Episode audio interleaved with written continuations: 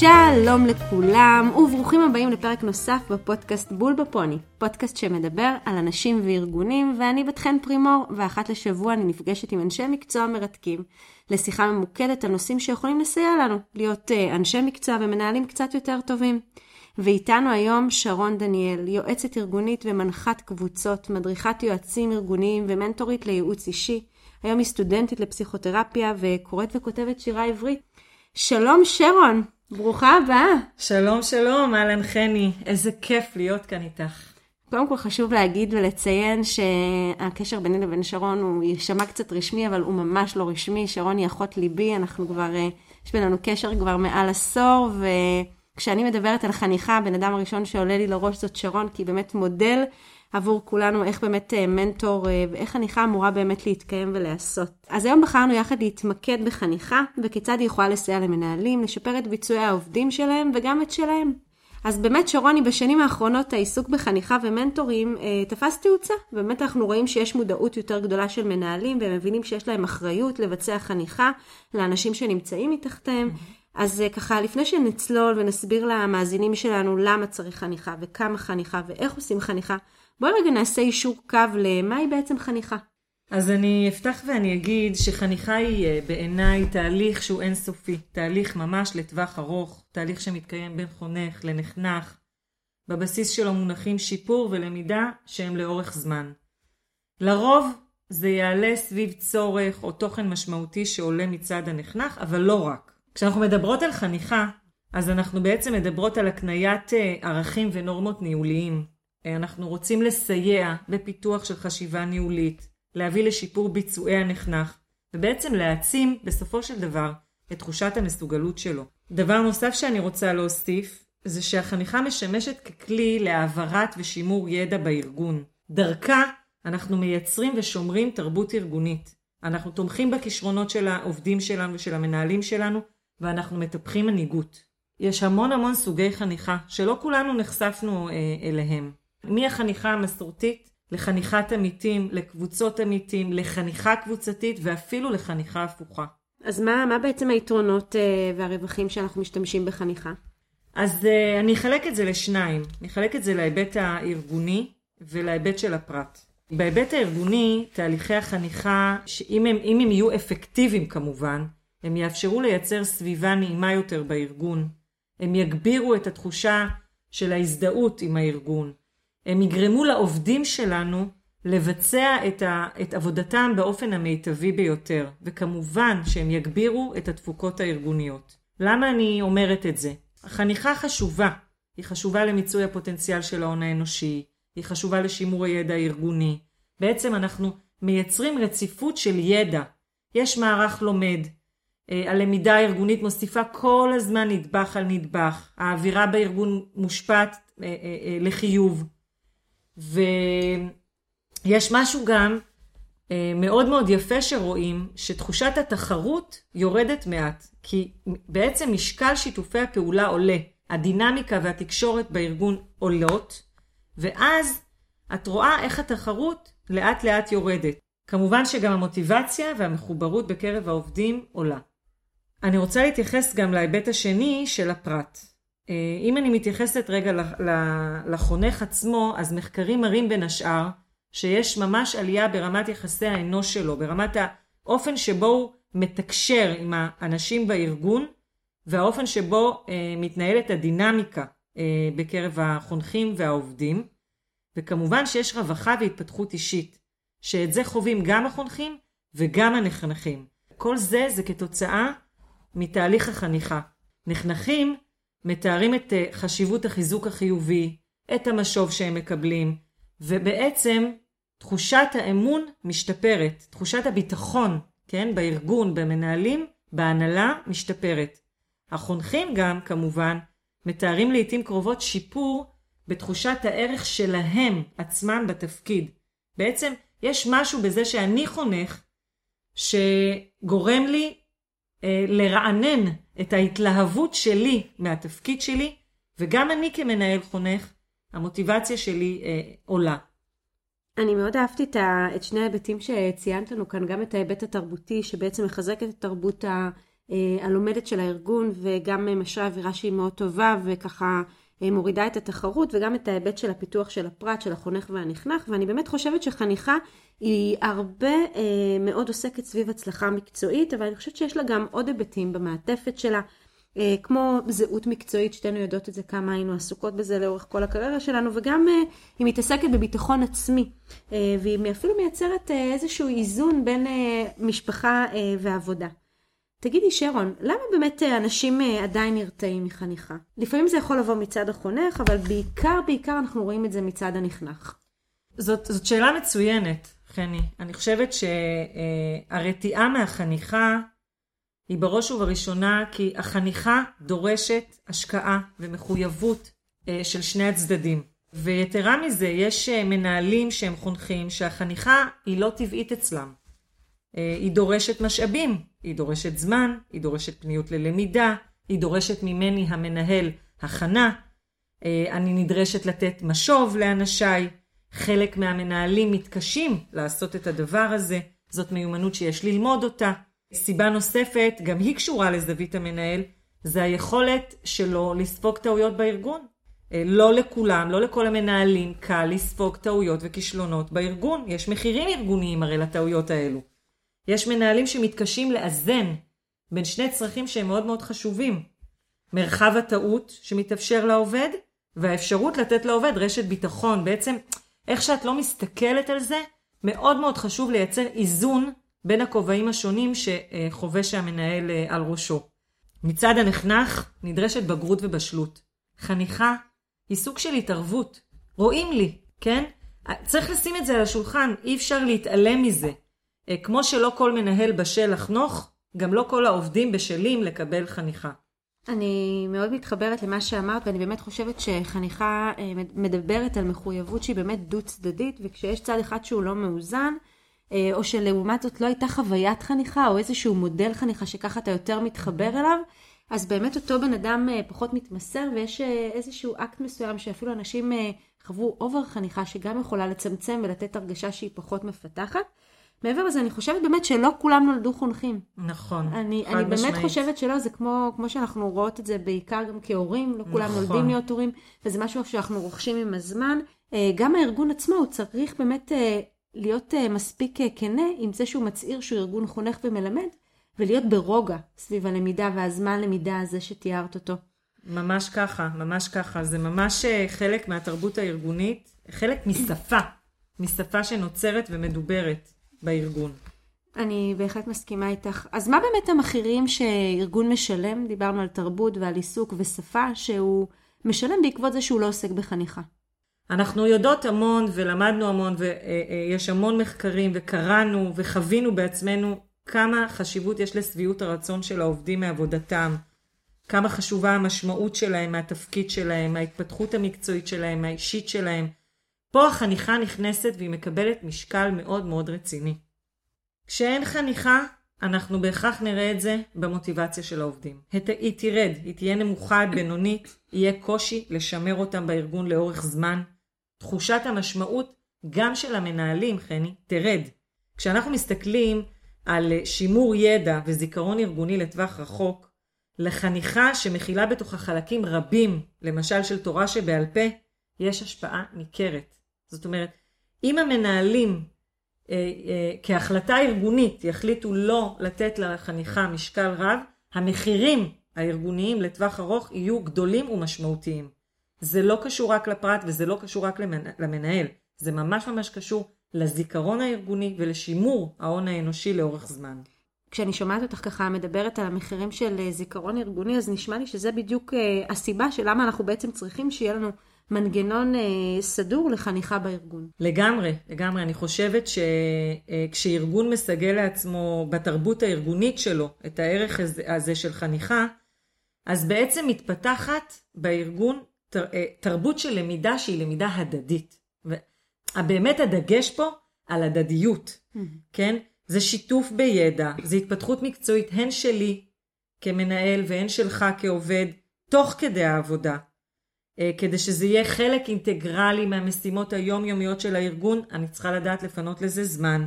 אני צריכה להתפנות לזה גם רגשית וגם מעשית. זה לא כל כך קל. נתקלתי אגב במאמר מצוין שאני מאוד ממליצה עליו, אה, ואני אצרף אותו, שהתייחס לכמה מיתוסים שבאמת אפשר וצריך לנפץ אה, בכל ההיבטים שקשורים לחניכה. אז קודם כל, חונך אחד מושלם זה, זאת פיקציה. בסופו של דבר דווקא עדיף כמה שיותר שישלימו אחד את השני, שהם ייתנו יותר פרספקטיבות. דווקא עדיף לנו אה, כנכנחים לבנות אה, ולטפח קאדר של אנשים אה, שנוכל לפנות אליהם אה, בזמן שאנחנו צריכים אותם. לחשוב על זה כרשת התפתחות. אה, ממש אני בונה לעצמי איזושהי רשת עמיתים כזאת שאני יכול להתפתח אה, ולהתייעץ איתה. עוד מיתוס נוסף שככה הוא מנפץ זה כל הנושא של הקשר הארוך והפורמלי בחניכה. דווקא חניכה יכולה להיות בקשר שהוא יותר מזדמן, שהוא קשר יותר חד פעמי, משהו נקודתי שצריך, דרך קהילות מקצועיות וקבוצות עמיתים, זה משהו שהוא הרבה יותר כלי עוצמתי בהקשר הזה, ואני יכולה להגיד שגם ללמוד ולהתייעץ אד הוק למשהו ספציפי, ממישהו שהוא יותר בקיא, זה יכול לתת בדיוק את הצורך למה שאותו נכנח צריך. Mm-hmm. והדבר האחרון ככה שעלה במאמר הזה שמאוד מעניין, הנושא הזה שזה קשר חד צדדי. אז אני חושבת שגם כאן בהנחה של אחד הצדדים אה, שנחנך או החונך יש איזשהו יתרון מהניסיון והידע שלו, בדרך כלל זה לחונך, עדיין שני הצדדים באמת, אה, כמו שתיארת כאן, יכולים וצריכים ללמוד להתפתח באופן הדדי. אה, וזה למשל אנחנו יכולים לראות אגב נורא חזק בדור הצעיר יותר, שהם משתפים מהניסיון שלהם בתוך הארגונים למשל, אותו צעיר, הנכנח, יש לו המון ידע שהוא ידע יותר טכנולוגי, הבנה דיגיטלית יותר עמוקה, שפתאום החונך אה, גול, מגלה דברים, עולמות, אה, עולמות תוכן אחרים לגמרי. אני ממש מתחברת לניפוץ המיתוסים הזה, חן. אני, אני יכולה להגיד שככה, אפרופו ניקח רק שתי דוגמאות, חונך אחד מושלם או קשר ארוך ופורמלי, אנחנו יכולים לראות היום מושג חדש בארגונים, כן? חניכת בזק. חניכת בזק מנפצת המיתוס של קשר ארוך ו- ו- ופורמלי. זה מפגש של חונכות וליווי מקצועי שהוא יכול להיות או חד פעמי או סדרה קצרה על אה, אה, בסיס צורך אה, מוגדר. אה, דבר נוסף למשל זו חניכה הפוכה. אה, בדיוק אה, בדוגמה שנתת. חניכה שבה העובד הצעיר במערכת חונך את העובד הוותיק והמנוסה. יש לזה יתרון מאוד מאוד גדול, ערך מוסף של למידת אה, תחומים, כמו שנגעת ואמרת, שהם תחומים מתחדשים, מערכות שונות. יש חניכה שנקראת חניכה הדדית. אה, חונכות אה, סימטרית. מדהים. ממש ככה. איזה שני יופי. הצדדים מתייעצים ומייעצים אה, מעולמם ומניסיונם. אני גם לומדת ואני גם אה, אה, חונכת באותה, באותה מידה. זה, זה, זה מקסים בעיניי. אני מסכימה איתך. אז רגע, אני חושבת שעד עכשיו שכנענו את כל מי שהקשיב לנו, למה צריך לעסוק בחניכה ומה המחירים הארגוניים שהארגון משלם, ולמה זה טוב, אבל בואי רגע נדבר על אה, איך אנחנו בעצם חונכים. טוב, זאת שאלה טובה. פה, פה ככה, בראש ובראשונה אני, אני אגיד שהסגנון האישי של החונך אה, אה, נכנס פה ובהכרח טיב מערכת היחסים אה, בין, בין החונך לנחנך. חשוב שתהיה מחויבות, כמו שאמרתי בתחילת הדברים, של שניהם לתהליך. נדרש אמון בין, בין שני הגורמים. זה כמו בזוגיות, כן? אם תלכי למטפל זוגי, אז הוא לא יבוא ויאמר אה, אה, לשני בני הזוג, תבואו אה, חצי חצי, כן? נכון. כל אחד יבוא אה, וייתן את המאה אחוז שלו כדי שתהיה הצלחה. אז אה, זאת בעיניי אה, חניכה שהיא חניכה מיטבית. את יודעת, אני- כשאת אומרת על המאה אחוז שכל אחד מביא, אז אני אומרת שגם היופי בזה שאתה גם יודע שלפעמים אתה לא מביא את המאה אחוז והשני מאזן את זה. לגמרי. ו- ואת יודעת, יצא לי עם השנים לראות ככה אנשים ומנהלים, שאגב, אני מאוד מתרגשת מהמנהלים שיודעים לחנוך את האנשים שלהם. חושבת שזה איזושהי נדיבות כזאת מאוד גדולה, וזה באמת יפה בעיניי. ומה שמשותף לחונכים המצטיינים האלה, זה קודם כל אנשים שיש להם דיבור מאוד ישיר וענייני. הם, אה, הדברים שלהם שהם אומרים אותם הם דברים לא מטויחים, הם מציגים את הדברים בצורה מאוד ישירה ועניינית וזה פשוט מאוד מרגש לראות את זה. הם אה, מנהלים שיודעים לנצל סיטואציות אה, לטובת למידה. וגם אה, לטובת מתן משוב. את יודעת, הם נותנים משוב לא רק שיש את החווד השנתי הזה שצריך אה, לחתום עליו, אלא הם באמת ככה אה, נותנים משוב שהוא מאוד ספציפי לפרויקט, או שהם לוקחים בחשבון את הצורך של הנכנח. והם שמים לב מתי הם קשובים אליו, הם שמים לב שאם הנכנח שלהם לצורך העניין עצבני, או שהוא מתוח, אז הם מתאימים את עצמם לסיטואציה, והם יודעים שאת החניכה הזאת או את המשוב הזה הם ייתנו בצורה אחרת, והם ייתנו משוב שהוא יותר תיאורי, ופחות משהו שמדבר על האופי שלהם, וגם הם תמיד יהיו בפידבק חוזר, אם הדברים מובנים, אם מבינים מה שצריכים לעשות. ואת יודעת, גם אני חושבת שיש משהו במסר שהם מעבירים, שהוא מאוד מאוד יפה בעיניי, שהוא מסר שמחזק תחושת מסוגלות. הוא מצד אחד אה, משפר ביצועים, והוא נותן דברים שבאמת אפשר לעבוד עליהם. כי נתקלתי גם עם מנהלים שנותנים משוב, שהיו באים אליי אחרי זה המפקדים או המנהלים שהיו באים אליי לשיח ייעוצי אחרי, והם אומרים, אני לא יודע מכאן איך אני מתקדם. זאת אומרת, קיבלתי פידבק שאין לי מושג מה אני עושה איתו. כי לפעמים הפידבקים הללו הם לא פידבקים של למידה. ומה שאת פה אומרת, חני, הוא כל כך קריטי.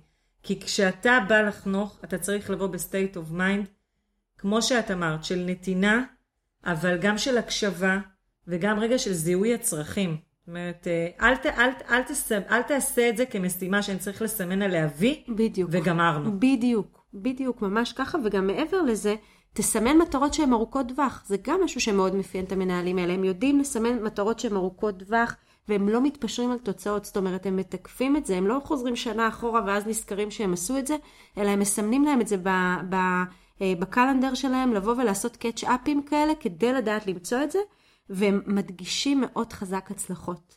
הם יודעים לדבר שיח של פסיכולוגיה חיובית, שיח של הצלחות, ו- וכל מה שיש בו כישלון, הם יודעים לטפל בו.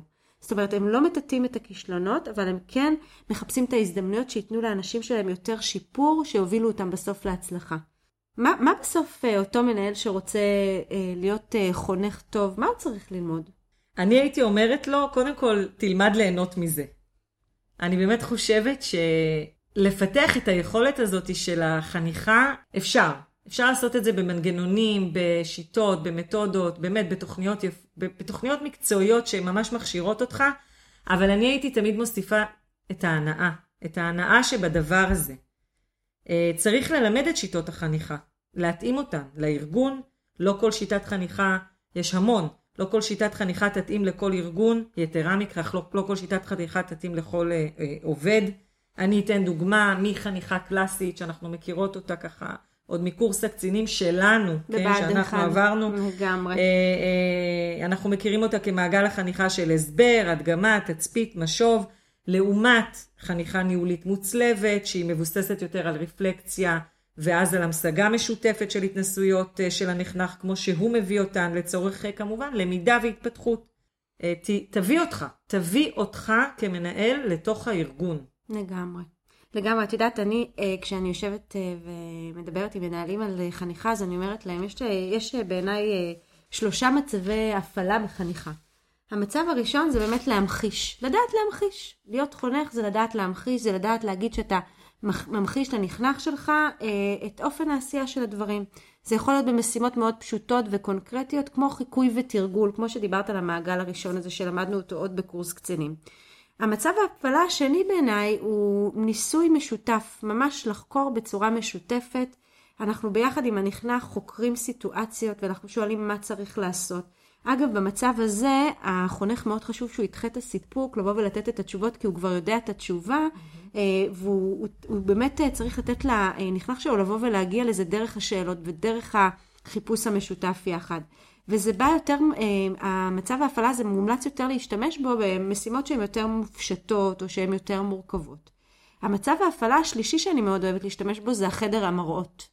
אתה כחונך ער לזה שהנכנח שלך נכנס לאיזשהו אה, שקיף, אה, שיקוף. Mm-hmm. אתה כל הזמן בא אה, ומראה לו ומתבונן עליו בזוויות שונות ומדבר איתו על זה. התפקיד של החונך במצב הזה הוא באמת לייצר איזושהי מודעות אה, לאותו נכנח אה, של איזשהו תהליך של כמו שדיברת על הרפלקציה הזאת וההתבוננות הפנימית והוא מבין שהוא חשוף. עכשיו, שלושת מצבי ההפעלה האלה, המינונים שלהם צריכים להיות שונים בהתאם לסיטואציה. אה, והם משתנים בין המצב המורכב ביותר למצב הפשוט ביותר, ואותו מנהל יודע להשתמש בכל אחד מהמצבים האלה. נכון מאוד, זה, זה ממש אה, לתפור אה, חליפה, ובעצם להגיע למצב שאנחנו ממקסמים את החניכה המיטבית ביותר לארגון. אז איך אנחנו באמת יודעים שחניכה היא באמת טובה? איך אנחנו יודעים שהיא הצליחה? אני טוענת שזה קורה כששני הצדדים מתפתחים. ציר, הציר שעומד כל הזמן מול עיניי הוא ציר ההתפתחות המקצועית והאישית. כשהפרט מרגיש בצמיחה, בהתפתחות מתמדת, ואז את רואה את זה גם כמובן בניצון, בניצנים ש, שניבטים אה, בארגון. אה, זה יכול לבוא לידי ביטוי גם בתוכן, גם במיומנויות. חשוב, חשוב מאוד שנזכור שהנחת העבודה שלנו היא שלתהליכי אה, חניכה תהיה השפעה חיובית מאוד על התוצאות הארגוניות, והדבר הזה הוא בעצם לפתחם של המנהלים. המנהלים יצטרכו למצוא את המדדים הרלוונטיים שלאורם אנחנו נוכל לבחון את האפקטיביות. אנחנו גם יכולים לבחון שביעות רצון של העובד. אם אני רואה שאנשים אה, בארגון שלי אה, מביעים כוונות של עזיבה, או לחילופין יש שביעות רצון מאוד מאוד גבוהה, ככה אני יודעת שחלק מה, אה, מהחניכה היא פה אה, מוצלחת או, או פחות. את יודעת, הנושא של השביעות רצון והעזיבה בארגון, אני כל כך מתחברת לזה, כי יצא לי לחקור את זה בכמה וכמה ארגונים שעבדתי בהם, שהיה נשר של אה, לצורך העניין דרג מסוים שהיה מאוד מקצועי ומאוד איכותי, ואחת הסיבות זה המודלינג של המנהל, mm-hmm. או תהליכי החניכה והעצמה והפיתוח שנתנו לאותו דרג. ואנחנו, היום אני, אני יכולה להגיד שאחד מהדרכים, אגב, למדוד אה, איכות של מנהל טוב, זה הדרך שהוא משאיר את האנשים אחריו. זאת אומרת, mm-hmm. האפקט השובל הזה, של לא רק זה שאתה מביא להישגים אה, כלכליים מאוד גבוהים, או לא רק זה שאתה מביא אה, הגשמה לייעוד של הארגון, אלא אתה גם בסוף מצליח להשאיר אנשים שלך, ואתה חונך אותם, ואתה מפתח אצלם תחושת מסוגלות, ויש אה, דור המשך. אני מאוד uh, מסכימה. אני חושבת, אני, אני אוסיף גם משהו ככה ממקום uh, שלי, שאני מאוד uh, אהבתי לחנוך ואני עדיין מאוד אוהבת uh, לחנוך. אני תמיד uh, דואגת להרגיש דופק. אני רוצה ללמוד uh, על הצרכים של מי שעומד מולי. אני רוצה לנסות להבין איפה הוא נמצא מקצועית ואישית, וחשוב מכל להביא את הניסיון, את הידע, את הדוגמאות, גם הטובות וגם הפחות טובות, לתוך החדר, הדברים שלי. את הידע שלי. בוא רגע נעשה סיכום. מה, מה באמת התנאים שמאפשרים אה, הצלחה של, אה, של תהליך חניכה? בראש ובראשונה, המנהל צריך להיות ב state of mind של נתינה. אני חושבת שעל ה core הזה אפשר לבנות מערכת יחסים של חניכה שהיא חניכה מיטבית. אני כמנהלת צריכה לדאוג להיות מחויבת להצלחה של העובדים שלי, לצמיחה שלהם. אני יודעת שאני משקיעה לטווח ארוך. אני צריכה להעביר את התורה שלי, את הידע המקצועי שלי שגיבשתי עם השנים. תחשבי גם רגע עליי, בכובע של המנהל, כן? אני, עצם עבודתי, זוכה להמשכיות, לנראות ארגונית, לפיתוח בארגון. אפילו הייתי אומרת לנכס ארגוני. ממש. והנחנך צריך לק... לרצות לקבל את החניכה, לרצות להיות במקום של להתפתח, לקבל ביקורת, ללמוד מטעויות, לצמוח מכישלונות. אה, זה לא יכול להישאר חד צדדי. אם אני כמנהלת אהיה חסרת סבלנות לטעויות, אם אני כל הזמן אבקר ואבטל את התחושת מסוגלות שלה העובדים שלי, של הנחנכים, אה, אז, אז אה, הכל פה ככה, הכל פה ככה השתבש. זה משפיע, זה משפיע על הארגון באופן ישיר. אני בהחלט מסכימה איתך, ולגבי הנחנך אני באמת חושבת שהוא צריך לעשות מאמץ ולהראות אכן נכונות ומחויבות. אני רוצה להוסיף איזשהו אתגר או קושי, ש... כי, כי באמת לא הכל ורוד בתהליך החניכה מן הסתם, כמו שעכשיו את ציינת. אה, קושי שיכול אה, לחוות המנהל החונך, בעיקר, בעיקר כשיש אה, עובדים שנכנסים לתפקיד חדש, או עובדים שנכנסים לארגון חדש, כן? מצד אחד, אני כמנהלת צריכה להיות מאוד אמפתית, אני צריכה להבין את הקשיים שמצופה ממני, כן? לזהות אותם ולראות אותם ולחוש צד העובד.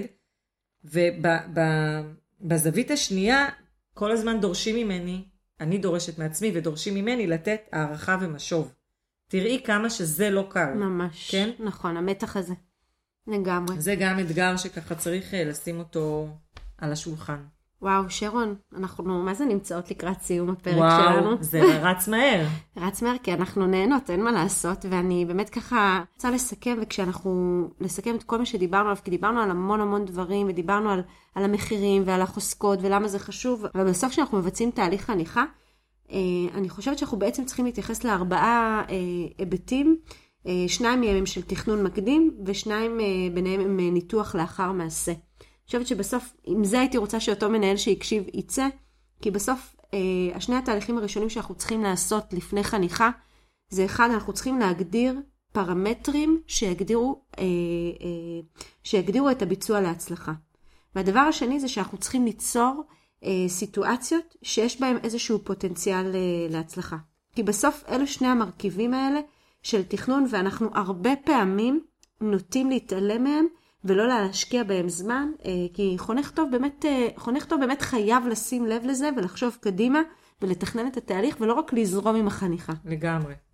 והשני השלבים האחרים שהם בעצם השלבים של אחרי המעשה, אז לאחר שאתה רואה סיטואציות ואתה נמצא מול הנכנח שלך, אז קודם כל לבוא ולתחקר יחד ולזהות את המרכיבים שגרמו להצלחה. זה כמו שאני מדברת עם מנהלים או עם אה, מודרכות שלי ואני אומרת לה, והיא מספרת לי איזשהי תהליך מדהים שהיא ליוותה או עשתה, ואני אומרת לה, מה המרכיבים או מה הסיבות שגרמו לך להצלחה הזאת. והדבר השני, שהוא לא פחות חשוב, זה לזהות את המקורות הפנימיים של אותו נחנך, שגרמו לו בעצם להצלחה. ואני חושבת שבאמת אלה שני המרכיבים המרכזיים שעוסקים בהתבוננות והניתוח והפקת הלקחים. לחלוטין, אני מאוד מאוד מתחברת לנושאים האלה של המרכיבים שגרמו להצלחה, למקורות הפנימיים להצלחה, שאנחנו צריכים לקחת אותם כמנהלים ולעבות אותם ולפתח אותם ולראות איפה הם ככה יכולים עוד ועוד אה, לקרום עור וגידים, כשמה שעומד מולנו כמנהל זה כמובן העובד וה, וה, בעצם ההצלחה של הארגון בסופו של דבר. לגמרי. אז אה, אני ברשותך אקרא שיר שככה מצד אחד אה, משמיעים אותו ומקריאים אותו באמת בהמון המון סיטואציות. אה, מצד שני, אני מרגישה שהוא אה, כל כך מדויק לנו לפודקאסט הזה. את היית אומרת שהוא היה, שהוא בול בפוני? אה, יאללה, בול בפוני. אז השיר הוא של לאה גולדברג, למדני אלוהי. למדני אלוהי ברך והתפלל, על סוד עלי קמל, על נוגה פרי בשל. על החירות הזאת, לנשום, לחוש, לראות, לדעת, לייחל, להיכשל. למד את שפתותיי ברכה ושיר הלל. בהתחדש זמנך עם בוקר ועם ליל. בהתחדש זמנך עם בוקר ועם ליל. לבל יהא יומי עליי כתמול שלשום. לבל יהא עליי יומי הרגל. מקסים שרון, כהרגלך מיוחדת ומדויקת. תודה רבה רבה תודה לך. תודה רבה לך על ההזדמנות. העונג היה שלי. להתראות. ביי ביי.